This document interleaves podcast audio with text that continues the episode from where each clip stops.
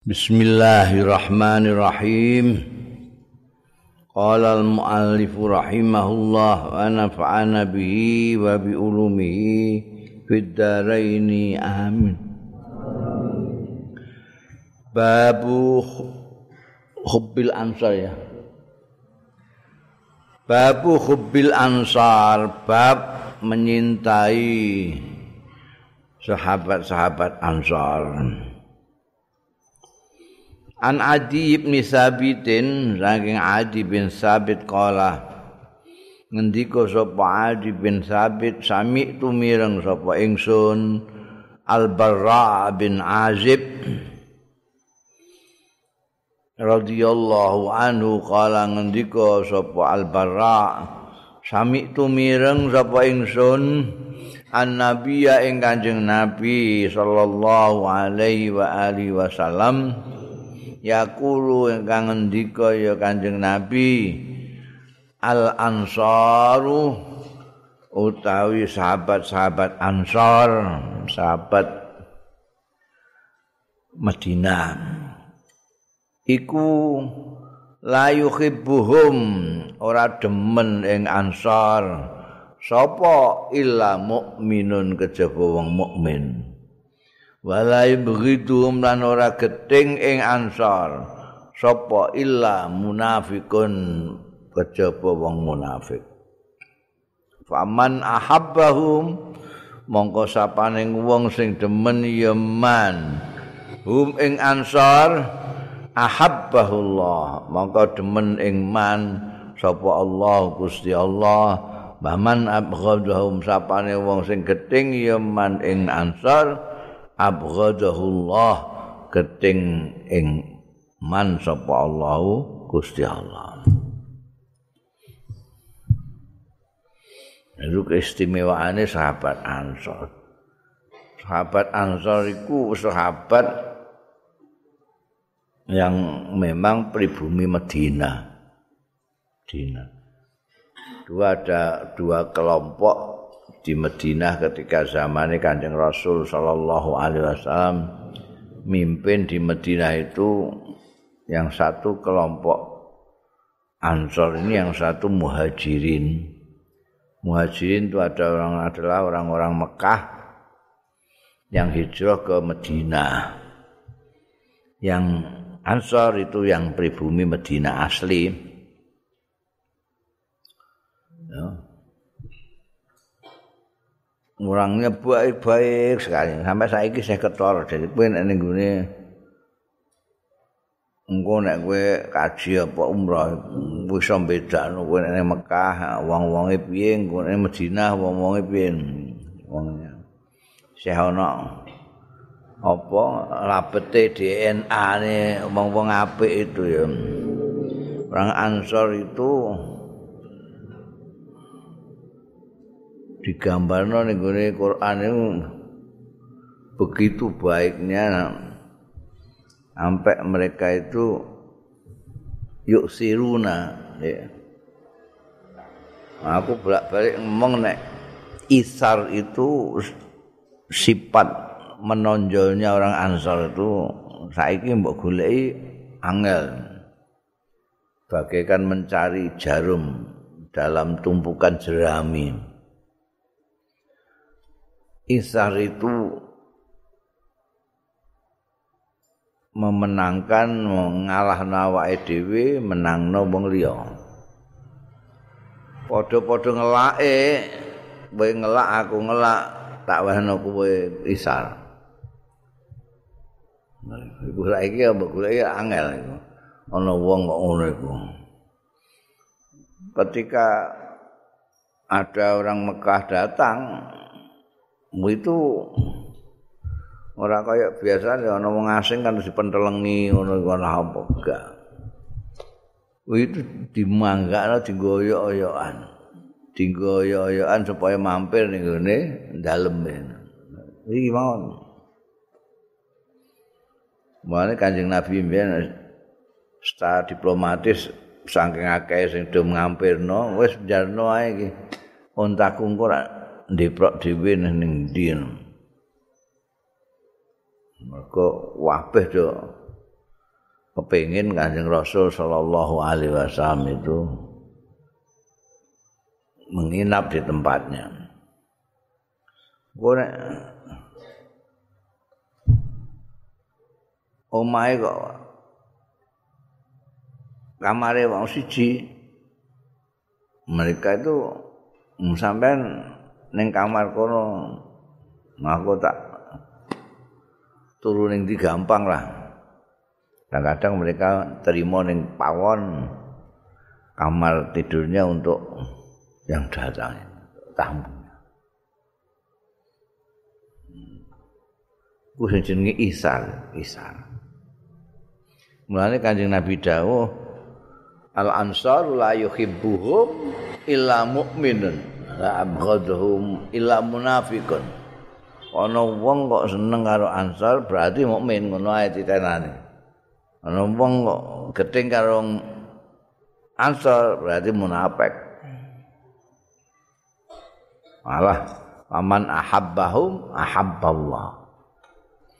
Seneng karo wong ansar disenengi Allah. Geting karo ansar diketingi Gusti Allah taala.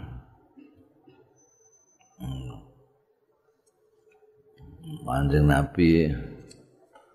Apa sini cintane karo ansor itu. Mulai itu dicekel itu sampean sahabat-sahabat yang lain sampai wong ansor itu seneng banget. Di samping memang dipersedulurkan disedulurkan mbek kanjeng rasul orang muhajirin dengan orang ansor itu. Ini dengan ini ya ini Bunda babul hal billah. Bab sumpah billahi taala kelawan Gusti Allah taala. An Ibni Umar saking sahabat Abdullah bin Umar radhiyallahu anhuma. Anin Nabi saking Kanjeng Nabi sallallahu alaihi wa alihi wasallam. Kala ngendika sapa Kanjeng Nabi sallallahu alaihi wa alihi wasallam Ala iling-iling mangkana halifan. Sapane wong sing ana ya man ana iku halifan sumpah. Fala yahlif. Mongko aja sumpah ya man illa billahi kejaba kelawan Allah. Wallahi tallahi billahi ane fakanat mongko ana apa Quraisyun wong-wong Quraisy? Iku tahlifu sumpah ya Quraisy bi abaiha kelawan nenek moyang. Nenek moyang ni Quraisy. Faqala mongko dawuh sapa Kanjeng Rasul sallallahu alaihi wa alihi wasallam la tahlifu aja do sumpah sira kabeh bi aba iku nganggo bapak-bapak ira kabeh nenek moyang ira kabeh. Biasane wong Arab sumpah bi abi anta wa ummi. Bi abi anta wa ummi. Demi bapakku demi sampean demi mbokku. Iki diwarai karo Kanjeng Nabi nek sumpah nganggo Allah. Wallahi tallahi billahi aja nganggo jenenge nenek moyang kaya wong-wong Quraisy karo bapake mboke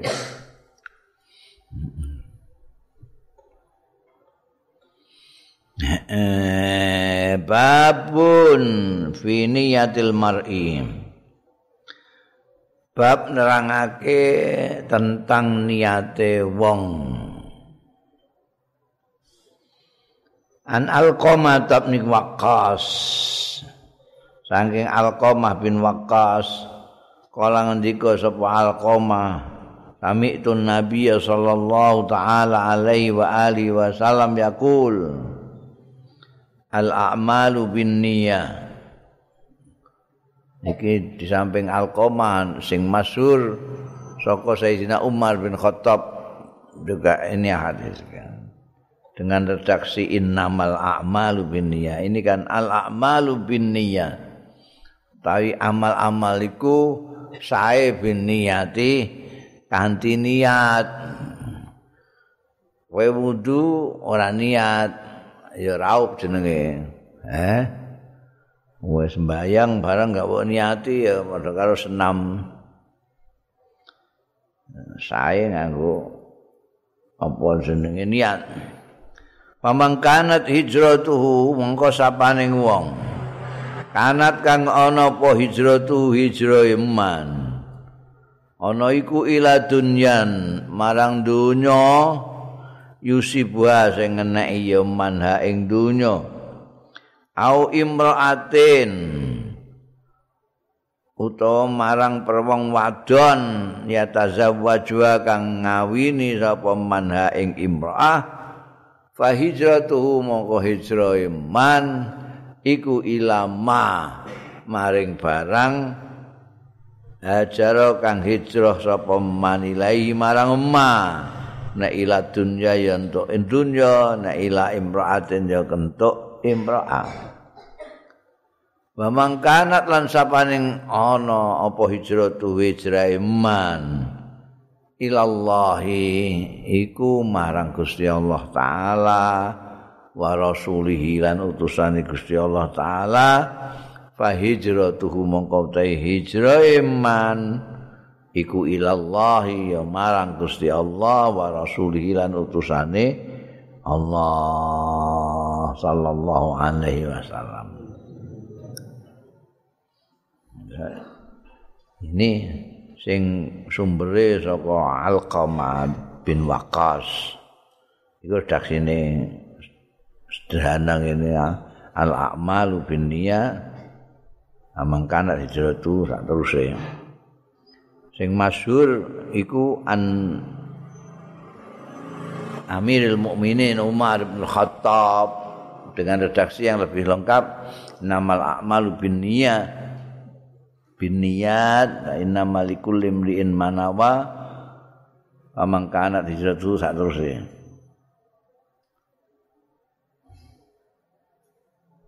iki yang ngene dadi al a'malu bin niyyah ya, niat itu di dalam hati.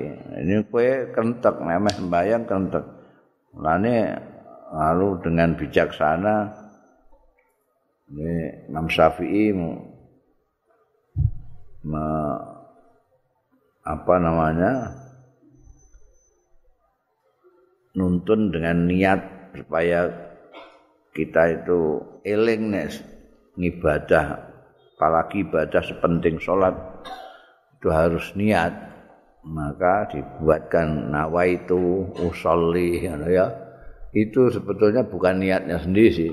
Niatnya sendiri kan di hati niat itu sesuatu yang ada di dalam hati.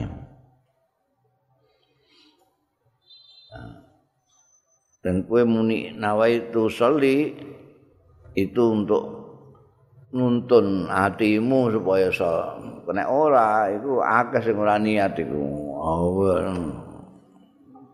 karena itu sudah merupakan rutinitas kadang-kadang orang langsung aja tidak niat nah itu gak sah amalin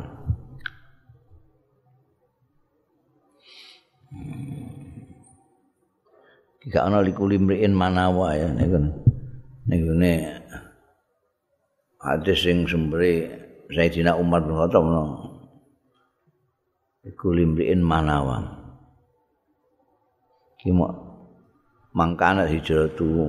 Mergo nalika itu orang yang datang ke Medina meskipun umumnya itu memang hijrah untuk mengikuti Anjing Rasul sallallahu alaihi wasallam untuk menyelamatkan agamanya. Mergo ning Mekah mesti aman belas. Janji ana wong sembayang konangan orang-orang kufar Mekah ya mesti gak disadui ya ditempilingi pokoknya dilarakno. Karena itu mereka lari dari itu menuju Allah wa Rasulullah ke Madinah mengikuti kanjeng Nabi. Nah itu buayang itu, itu ada 400 km lebih. antara Mekah Madinah. Mereka ada yang jalan kaki, ada yang naik unta, ada yang naik gantian unta. Tidak membawa apa-apa kecuali ya, sing bisa dibawa. Yang lainnya ditinggali kabeh harta miliknya itu. Nah itu ada juga meskipun mayoritas itu ilallah wa rasulih tapi ada juga sing mergo nututi wong wedok karena yang wedoknya itu hijrah. Nah, dia ning Mekah. Wah nggak kuat diamuk rindu. Wah melayu melaku. Moro ning sing kekuatan sing apa mengkek-mengkek iso ndadekno wong semangat itu. Kecuali memang karena Allah wa Rasuluh. Itu kan perempuan. Oh, lautan aku seberangi. Kan. Oh, gunung aku daki. Jurang aku cemplungi. Oh, demi ketemu, demi ketemu. Itu tempat atau dunia. Buktinya sekarang ada yang migrasi, ada yang transmigrasi. itu kan cari dunia cari dunia dunia wedok itu yang bisa orang bikin semangat. Nah ini juga gitu. Dawe kanjeng rasul sallallahu alaihi wasallam nek kowe golek dunia ya untuk dunia Gusti Allah itu apian. Kowe golek dunia untuk dunia Arab nyambut gawe ning Mekah kok angel kabeh terus melayu ning Madinah. Medina iku buruh ngunduhi kurma ngono ae wis masyaallah. Jadi nek kebutuhe dunya, butuhe wong wedok ya entuk wong wedok.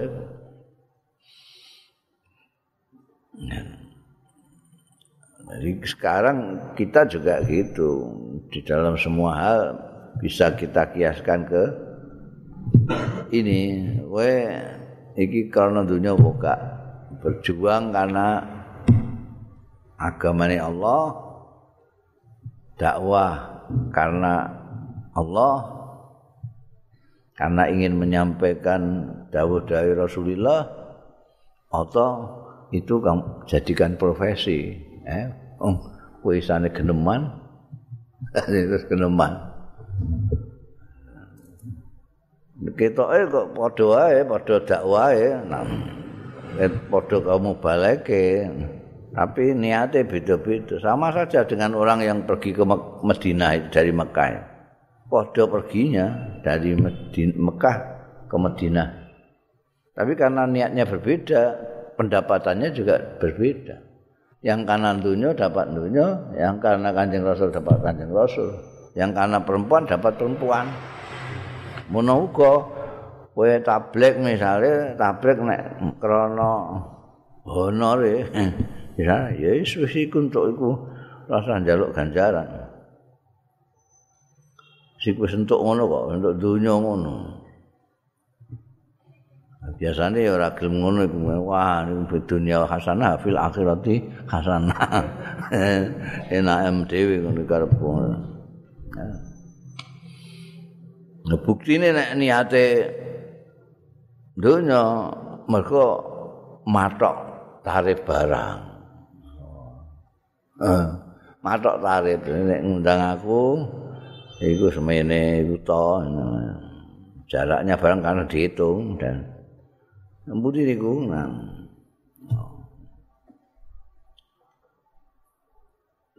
Tapi ya ana apa kiai sing ikhlas nemen iku ya ana. Sampeyan pundi? Demak.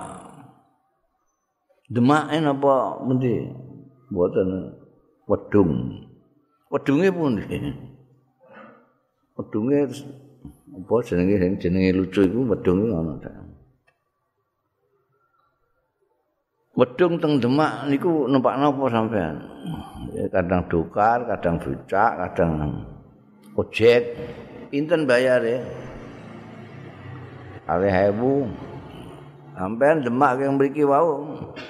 Pinten ongkose? Ang salewu berarti pitung ewu nggih. Nek miang mulai pitung ewu ping pindho 14.000. Sampeyan siap pakai 14.000 mangke kula dugi mriku. Ku sing kiai ikhlas banget. Jadi mengko nek gak ana 14.000 mboten tekan pedung kula niku. niku bise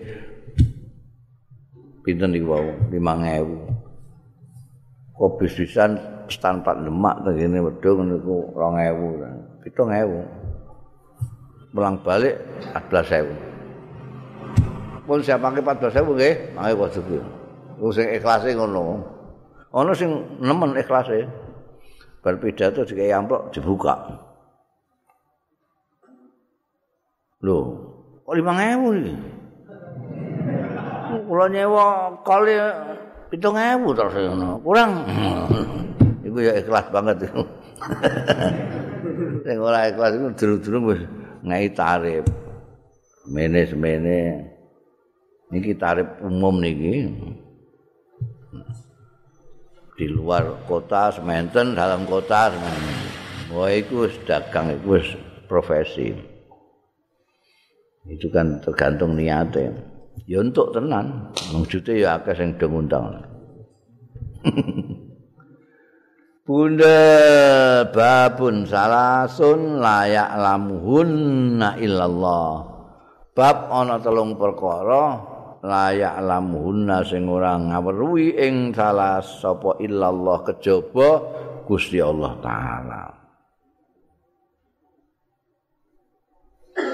Ada tiga hal yang hanya Allah yang perso, tidak lain tidak tahu.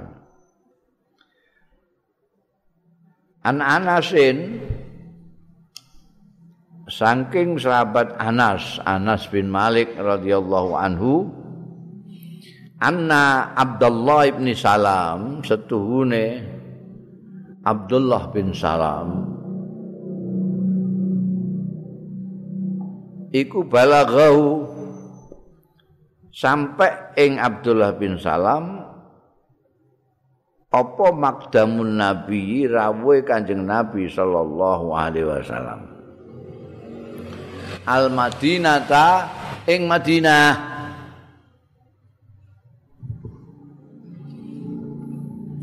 Abdullah bin Salam ini orang non muslim seorang Yahudi penduduk Madinah mengetahui Kanjeng Rasul sallallahu alaihi wasallam rawuh ning gone Madinah ketika hijrah itu. Fa'atahu mongko nyuwani sapa Abdullah bin Salam hu ing Kanjeng Rasul sallallahu alaihi wasallam. Lha apa? Yasaluhu. Nyuwun pirsa sapa Abdullah bin Salam ing Kanjeng Rasul sallallahu alaihi wasallam an asya'a tentang beberapa hal an asya'a saking pira-pira perkara. Faqala mongko matur sapa Abdullah bin Salam Innani sa'iluka setuhune kula iku sa'iluka takon kula ing sampeyan. Nuwun pirsa kula ing panjenengan. An salasin saking telung perkara. Layak lamuhunna sing ora ngerti ora pirsa ing salah sapa illa nabiyun kejaba nabi.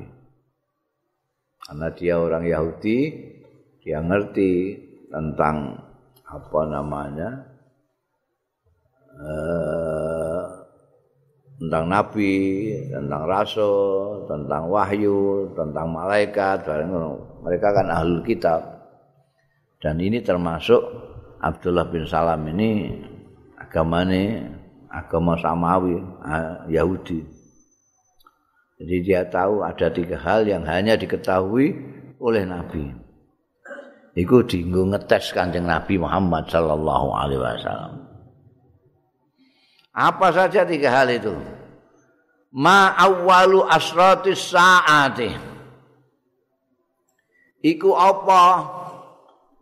Awalu asrati saati utawi kawitane ngalamat ngalamate kiamat. Nomor siji itu. Wama awalu to amin. An iku apa utawi kawitane panganan yakulu sing mangan sing dahar hu ing to'am sapa ahlul jannati ahli swarga. Cakok kok ngono ta kok.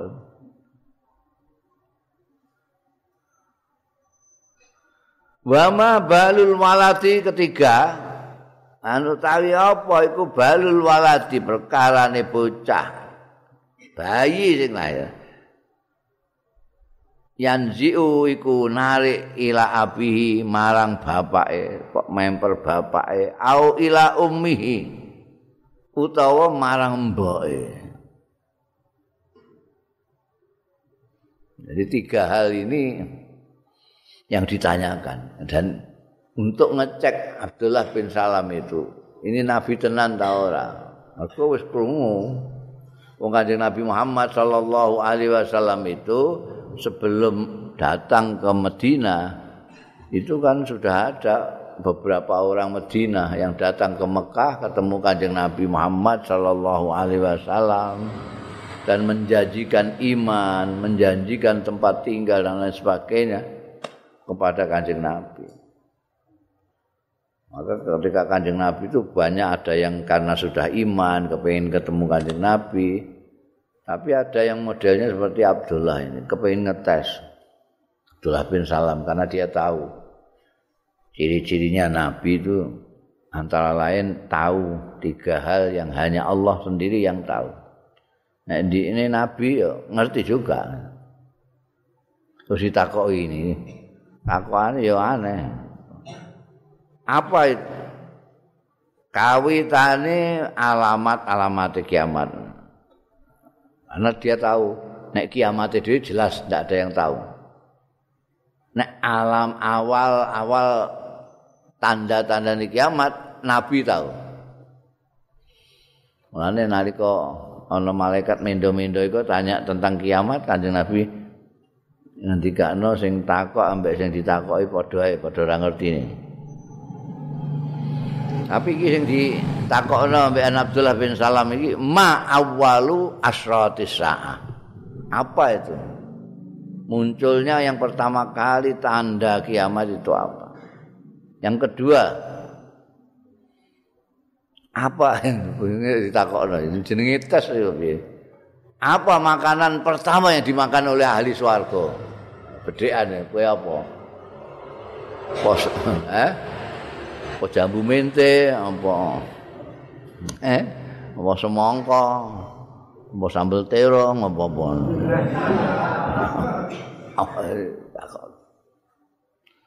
dan kenapa bayi mirip bapaknya ada bayi yang mirip mbok eh. Iku angel iku jawaban nek gak nabi ra iso. Hmm.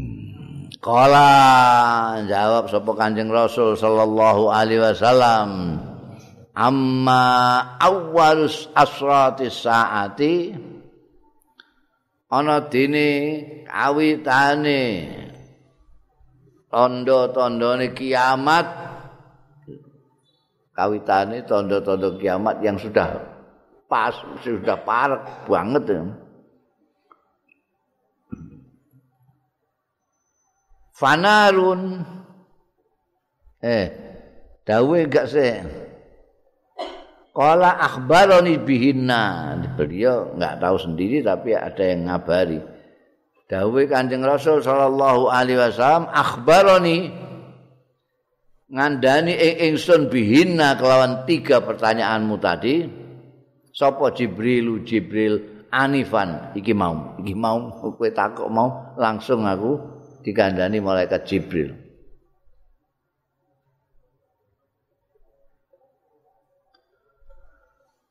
Kala bareng Kanjeng Nabi ngendika iki mau aku bar dikandani bani apa ambekan malaikat Jibril. Kala ngucap matur sapa Ibnu Salam, Abdullah bin Salam ngucap, "Zalika adul yahud minal malaikat." Utahi mengkono-mengkono sing jenenge Jibril iku adul yahud, musuhe wong Yahudi. Minal malaikati saking ora malaikat. Wong Yahudi gak seneng wek malaikat Jibril. Padahal malaikat Jibril itu kaya apa jenenge komandane malaikat ngono. Kaene nemoni nabi-nabi, rasul-rasul. Kala dawuh sapa Kanjeng Rasul sallallahu alaihi wasallam amma awwalu asratis saati ana dene kawitane tanda-tandane kiamat fanarun mongko iku geni tahsyuruhum sing giring yonar ing manusa minal masyriki saking bang wetan ilal maghrib marang bang dari timur digiring ada api giring manusa dari timur mara barat. Oleh meletak sengenge wong geni kok wetan nek kene wetan. Wong mau tidak mau belayu mergo ana weni sampe ngulang. Itu kawitane wah kiamat iki ana geni kok wetan giring manusa iku kawitane bar iku terus kiamat. wa amma awwalu ta'amin ana dene kawitane panganan yakulhu sing dahar ing awwalu ta'amin sapa ahlul jannati ahli swarga faziyadatu kabidil khut mongko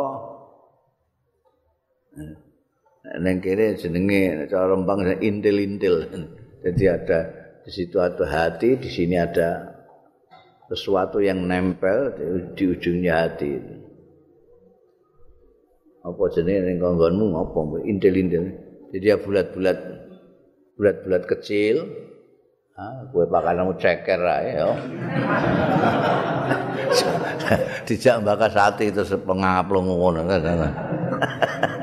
hati gitu, tiap sebelah gitu. Itu kono intil-intile. bunder cilik. Jadi aku ya enak apa? Enak hati ini pangan intil tapi wong iku swarga ya. Nek menurut ulama-ulama itu ya paling enak sendiri ya. Sing tak gambarno intil-intil mak pitik. Pitik. Iki khut. Khut itu ikan besar. Ikan paus, ikan hiu itu ana atine di antara atine ana itu jare pakanan sing paling lezat itu itu. Dicokot yang lunyur ora dadak ngedut-ngedut barang kaya apa biasanya sing balungan-balungan ngono kudu ngedut-ngedut barang daging kadang-kadang kotot sak fitur gak nyur rasane luar biasa kawitane. Wong ahli swarga dahari itu di, disugoi itu. Wah ziyadatu kabidil khut. Ana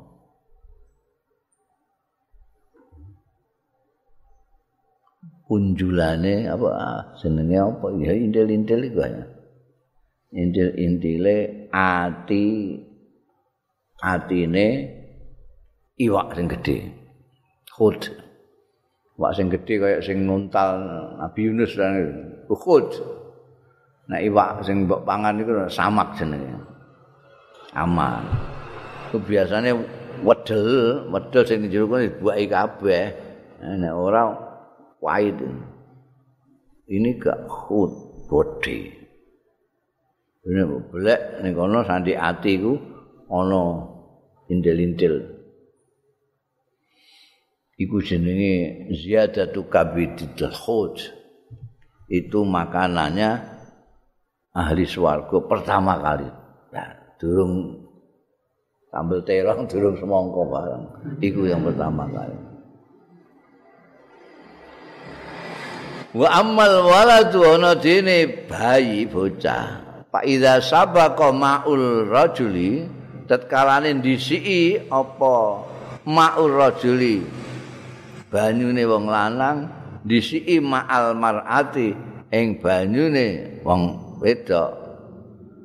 Naza mongko narik apa ma'al walada ing anak wa idza sabaqa ma'al mar'ati ma'al rajuli tatkalane ndisiki apa ma'ul mar'ati banyune wong wedok ma'al rajuli ing banyune wong lanang nazaat. Mongko narik ya ma'ul mar'ati al walada ing walad. Maksudnya mempel. Ini dawuh Kanjeng Rasul sallallahu alaihi wasallam itu padha karo dawuh-dawuh Quran itu jadi bisa dimaknai sesuai zaman dan tidak bertentangan. Ayo apa jenenge? Minggu ini Quran disebutkan ana ada bumi itu merata bisa untuk berjalan, bisa untuk sholat itu sekarang juga bisa meskipun pendapat pendapat dan itu sudah sudah terbukti menurut ilmuwan-ilmuwan bumi ini bunda. Bumi kan bunda. Kalau orang membaca itu, ngerti tentang rotone bumi itu, itu justru menunjukkan memperkuat bahwa bumi ini bulat. Eh, entah begitu, meskipun bulat dan berputar, Allah menciptakannya bisa kita untuk melaku, bisa untuk sembahyang, kayak sesuatu yang roto. Kayak kayak gini. Padahal ini gini kan, dan berputar. Jadi ini gini anu Ini juga gitu. Apa jenis pada waktu itu dia orang pikirannya wong mengeluarkan sperma, perempuan juga mengeluarkan itu. Padahal itu tidak ada sperma, yang ada adalah indung telur. Tapi penelitian lebih lanjut ilmuwan-ilmuwan menyatakan bahwa di dalam ini ini mani atau sperma itu ada kromosom. Kalau itu biasanya nek nggone kedokteran ana sing dikai simbol XX dengan XY. Kalau XX ini yang dulu menang maka lanang. Nah XY lanang, nek XX wedok. Jadi bos sing sing sing wedok elengku XX itu sing wedok. XY lanang. Kau digambar ngono kae. Ini terus ini nek panah lanang. Ini nek ini ku wedok. Itu kan jutaan itu. Jadi sekali meluncur itu sperma itu air itu yang kamu keluarkan itu itu jutaan jutaan makhluk hidup kejar-kejaran. Kejar-kejaran ke mana ini? Kejar-kejaran menuju ke indung telur. Indung telurnya perempuan. Perempuan punya indung telur. Kalau dibuai, dia ini binatang yang jutaan ini disi-disian menuju ke indung telur. nek sing wedok menurut ini iku member wedok. Nek lanang sing X Y iku member anak. Oh, iku kan sing ngerti kecuali nabi ya. Hmm. Kene ngerti ya mergo nabi wis ngendikan. Hmm. Kala Ibnu Salam langsung kan kala matur sapa Abdullah bin Salam asyhadu alla ilaha illallah wa annaka rasulullah. Jadi Islami Abdullah bin Salam itu tidak asal Islam tapi nganggo ngetes bareng. Ngetes sesuai ilmunya dia sebagai seorang Yahudi. Makanya sing tinggu contoh Anjing Nabi Muhammad Shallallahu Alaihi Wasallam jauh orang seperti Abdullah bin Salam inilah yang mendapatkan dua pahala karena dia iman kepada Nabi Musa, Nabi Isa dan iman kepada kanjeng Nabi Muhammad Shallallahu Alaihi Wasallam. Nah, itu yang seharusnya seperti itu. Karena ini kan urutannya semua dari mulai dari Nabi Nuh. Terus itu sama semua. Agamanya pada jenenge Islam. Terutama yang terkenal adalah Nabi Ibrahim sebagai Abul Ambia, bapaknya nabi-nabi. Nabi Ibrahim ini makanya mendiko awalul muslimin sebagai orang yang pertama Islam. Islam itu adalah nyuwijake Gusti Allah. Tauhid. Jadi agama Islam itu agama tauhid. Sementara yang kita gunakan sekarang sebagai istilah agama Islam itu syariat, sak syariat barang. Makanya kita lalu ada akidah, ada syariat.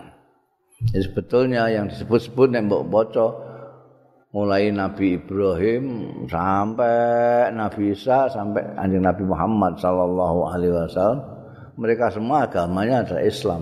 Artinya Islam itu pasrah hanya kepada Allah Subhanahu wa taala. La ilaha illallah asyhadu alla ilaha illallah wa annaka rasulullah. Stune panjenengan kan Rasulullah. Aestu ngerti nek sing ngerti tiga hal tadi hanya utusan. pasti kanjeng Nabi peso. Nah, kanjeng Nabi itu kan melanjutkan seperti kemarin itu. Ada bangunan kurang sak boto, kanjeng Nabi menyatakan sak boto itulah aku. Yang memperindah, menyempurnakan bangunan ini. Tak dulunge mulai Nabi Nuh. Foto-foto-foto nanti Nabi Isa tinggal satu kanjeng Nabi Jet. Jadi sempurna, jadi indah. Ya. agama Islam itu. Nah, iki wong ngertine mau ikut tok mergo kenapa? Mergo orang-orang banyak orang-orang yang Yahudi itu terus tidak percaya kepada Nabi Isa. Orang yang Nabi, Nabi percaya sama Nabi Isa tidak percaya kasih Nabi Muhammad sallallahu alaihi wasallam. Yang benar seperti Abdullah bin Salam percaya kabeh dengan adanya bukti-bukti dan dia membuktikan sendiri tentang kebenarannya kanjeng Rasul Shallallahu Alaihi Wasallam. Kala, iku biar terus itu. Kala biar. Eh? No ya, kandan ya. Kayak aku itu. Eh? Sob, kok mesti mbok kai fotokopian apa kitab cetakan enggak mesti anak sing salah ngono. Yang salah. Iku jane mbok jarak apa? Mbok mbok kae kitab sing ora umum mbok padha karo liyane. Kowe emu piye? Oh, eh. Emu. Apa? Kalau yang kenceng. Kola ya Rasulullah. Ya. Ya. Emu ya. Lho ya. Gak ana sing kaya awake kowe nah. Nek kowe kala Rasulullah. Ana sing gak gak to? Hmm, gak ana. Iki mbok tukokno ning iki. Mbok nguji aku apa ya? Eh? Itu kala Rasulullah ya.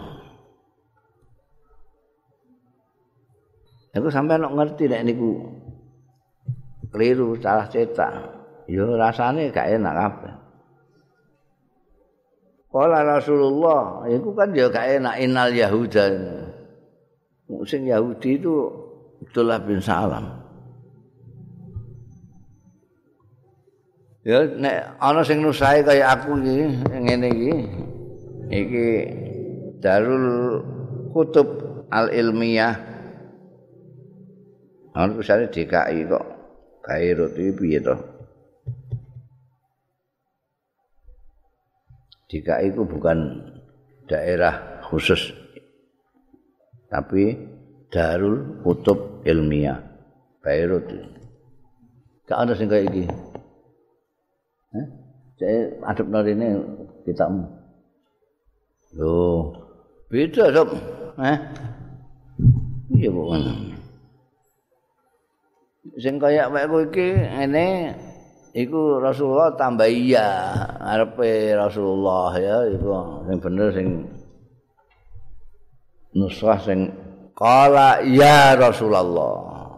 Angele ning angele bahasa Arab itu ning bahasa tulis itu karena ada domir mustatir barang. Jadi iku ora mbok kei. Iya ya gak apa-apa. Jane tapi wong salah ini wis enek nuska sing iya ya berarti nganggo iku ae. Umpama kok ora ana ya ora apa-apa. Ya kala tapi matur sapa Abdullah bin Salam. Macane ora Rasulullah tapi Rasulullah. Walayyadika Rasulullah jahu kabi. Kaya kok ora nganggo ya angger ya ngerti iku nek ngaji nek gak ngaji ya padha ae ora ngerti ne eh. Wala yadika Rasulullah jahu kabi. Aja mbok waca Rasulullah. Wala yadika Rasulullah gak. Kalau nek di burda wala yadika Rasulullah Boten sempit ya Rasulullah jahu kabin. Iki mbok waca ngono ya kena tapi wong anak nuskah sing anak iyane ya ikut iku wae. Qala ya Rasulullah. Matur sapa Abdullah bin Salam Duh Kanjeng Rasul Duh Rasulullah sakwise sadat ngun eh ngaturine ya ya Rasulullah Innal Yahuda setune tiang-tiang Yahudi niku kaumun buhtun. Kaumun sing pembohong buhtun niku eh uh, jamae bahit ya.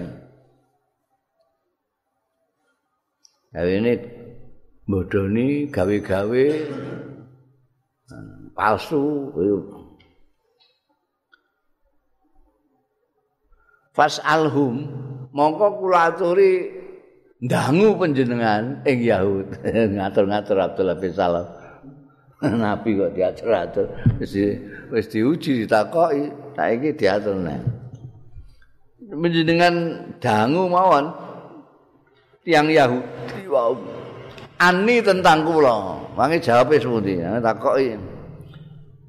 Qabla ayya'lamu sadurunge yen to ngerti sapa Yahud bi islami kelawan Islam kula niki. Kula niki mun sadar kanjengan pun Islam. Tapi wong-wong Yahudi ini kelakuane ngoten niku.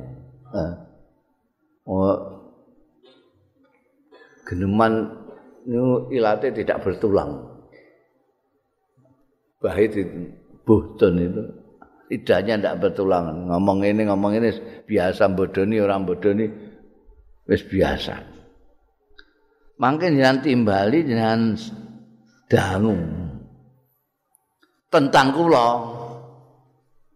Menurut sam, sampean menurut kalian semua Abdullah bin Salam itu siapa? Fajaat.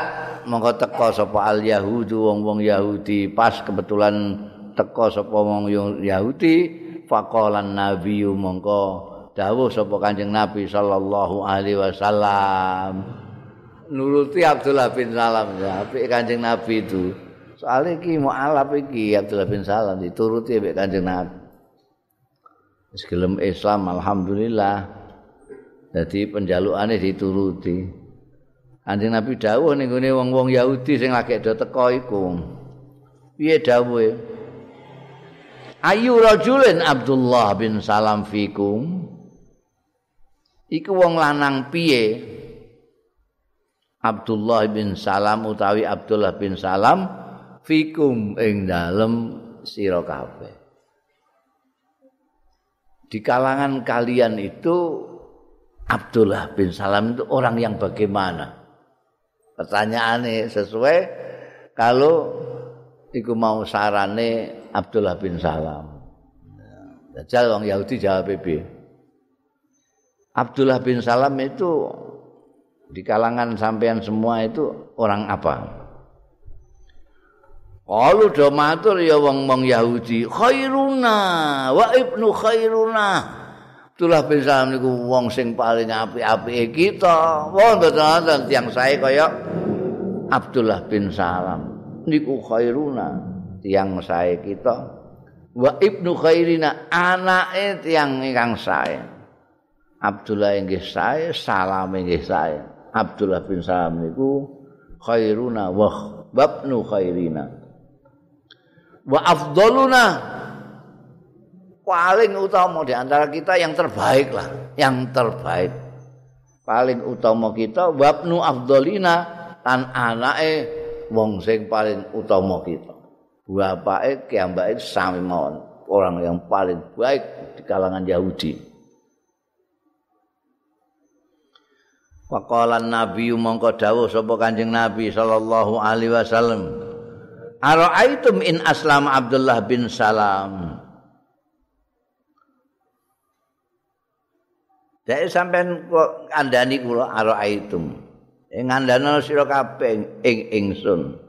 In aslama Abdullah bin Salam. Lamun mlebu Islam sapa Abdullah bin Salam. Qalu padha celatu ya wong-wong Yahud. A'adzahullah min zalik. Nyuwun. Lah nek Abdullah bin Salam sing mbok kandhakno paling apik-apike wong Yahud. bapak ya paling apik-apik wong Yahudi. Nah iku mlebu Islam piye? Oh dawuhan Nabi. A'adzallah. Oh, wah nyuwun perlindungan gitu. Ing Gusti Allah min zalika sing mengkono-mengkono. Auzubillah, nauzubillah. Abdullah bin Salam kok mlebu Islam niku nauzubillah.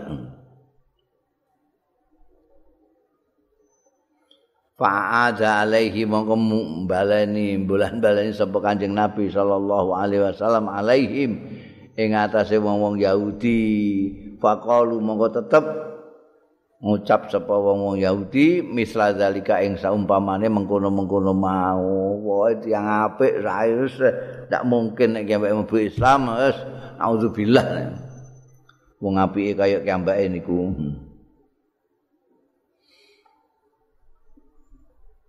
Pas ngono kuwi fakhara mongko metu jedul apa dadi mau delik ning ndi mau. Fakhara mongko metu sapa ilaihim marang wong Yahudi sapa Abdullah Abdullah bin Salah dari rumah itu ya itu kan kanjeng Nabi Muhammad Sallallahu Alaihi Wasallam itu dalam itu seperti sering kali sudah saya katakan itu nempel nih masjid ini dalam sekarang masuk di masjid dalamnya kanjeng Nabi itu. Dulu nempel ini masjid, ini dalamnya.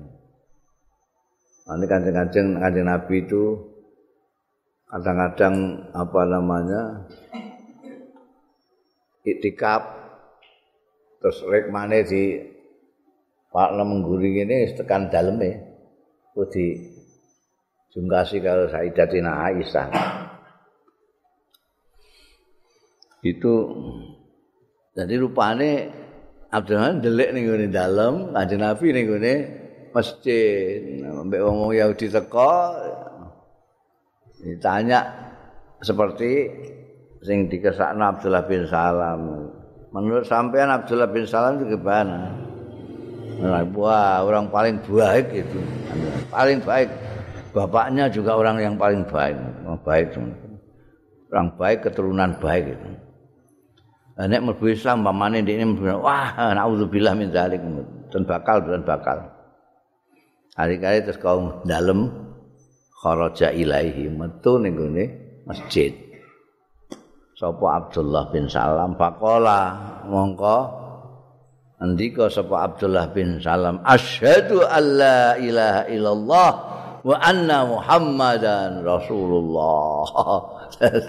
Dadi metu ning ngene masjid ning kono wong-wong Yahudi sing lagi bar muni mau kaget kabeh terus langsung muni asyhadu alla ilaha illallah wa asyhadu anna muhammadar rasulullah semua Islam resmi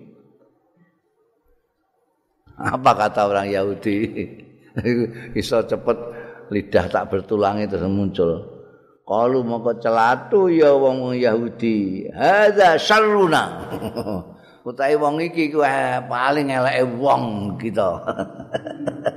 Wabnu syarrina lan anake wong sing paling elek kita.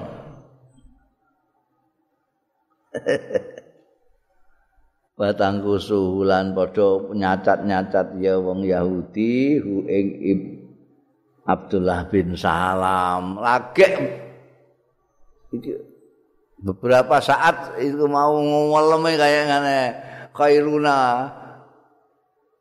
wa afdaluna eh khairuna wa ibnu khairina afdaluna wa ibnu afdalina eh, kok iso bareng muni syahadat terus hadza syarruna wa ibnu syarruna eh lu nyacat karo kala matur sapa Abdullah bin Salam hadza tainiki untu sing ana kula niku akhafu muatirake kula ya Rasulullah. Niki kula kuatirake kete niki.